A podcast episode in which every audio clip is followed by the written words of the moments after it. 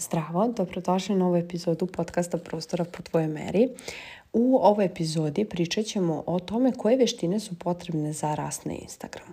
Zašto baš ova tema? Zato što možete primetiti da neke osobe rastu na Instagramu, možda koriste strategije, možda ne koriste strategije, ali očigledno je da koristile ne koristile strategije imaju neke veštine, posjeduju neke veštine koje su im pomogle da a, porastu. Da li je to u smislu broja klijenata, a, broja, na primjer, prodatih proizvoda ili usluga, da li je to a, određena suma novca ili nešto, ali te osobe očigledno imaju nešto što mi drugi treba da naučimo i a, e, sada ću vam reći koje su te veštine. Prva stvar jeste branding. Zašto branding? Zato što a, e, sve osobe koje su iole Um, obratile pažnju na svoj Instagram, one su mu dale neku estetiku, koristile su određene fontove, jednostavno su bile dosledne što se tiče tog brandinga. Uh, to ne mora samo da buje, bude u bojama i u fontovima koji se koriste i u nekim grafikama, to može da bude i u načinu na koji se razgovara sa svojom publikom, to može da bude i u vrednostima koje neguju i u koje veruju, u principe kojima, iza kojih stoje i tako dalje. Znači sve je to branding. Sljedeća stvar jeste storytelling, odnosno pripovedanje. Sve te osobe možete da primetite ili primetite posle ovoga kada kažem, jeste da imaju taj neki a, bukvalno a, lepo pripovedanje kada vam pričaju priču, da li je to story, da li je to obična objava, video objava ili bilo šta, vi jednostavno zastajete, gledate i želite još toga, još toga, još toga, zato što su se oni izveštile u pripovedanju. Sljedeća stvar jeste prodaja, znači niko nije, nijedna od tih osoba nije došla tu da zabavlja ljude. Oni vrlo brzo imaju e, nešto da prodaju, da li je to usluga, da li je to proizvod, da li je to e, neko znanje, rešenje, šta god daje, oni vrlo brzo to prodaju. Sljedeća stvar jeste, to jest veština koju treba da znate, jeste da kreirate sadržaj visokog kvaliteta.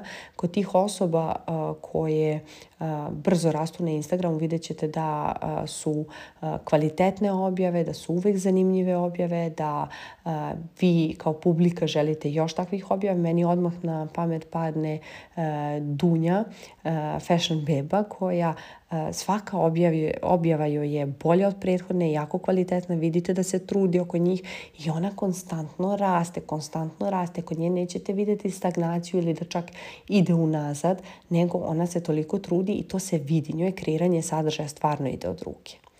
I poslednje dve stvari jesu eh, vezane za kontinuitet, ali malo drugačije. Jedna od njih je prilagođavanje, a druga je izdržljivost. Zašto su ove dve stvari jako bitne?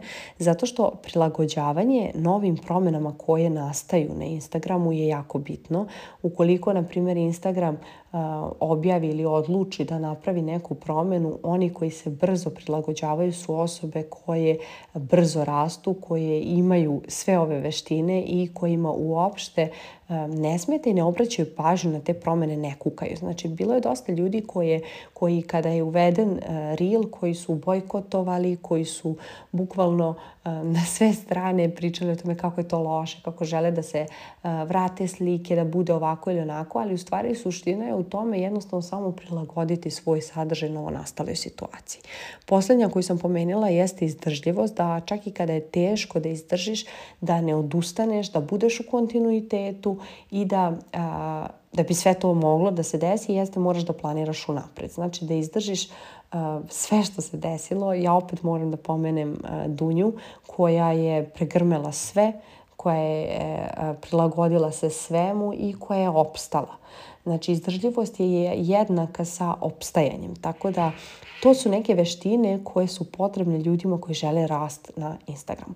Ukoliko i ti želiš da rasteš, nadam se da ćeš da primetniš ove moje e, savete i ja ti obećavam da ćeš sigurno doći do tog dela, a to je da rasteš u bilo kom smislu kom ti želiš. Da li je to broj klijenata, da li je to broj kako se zove, prodatih usluga ili proizvoda ili je to, na primjer, samo stanje na računu. Uglavnom, rašćeš u svakom slučaju. To je to što se tiče ove epizode, a mi se čujemo u sljedećoj. Ćao!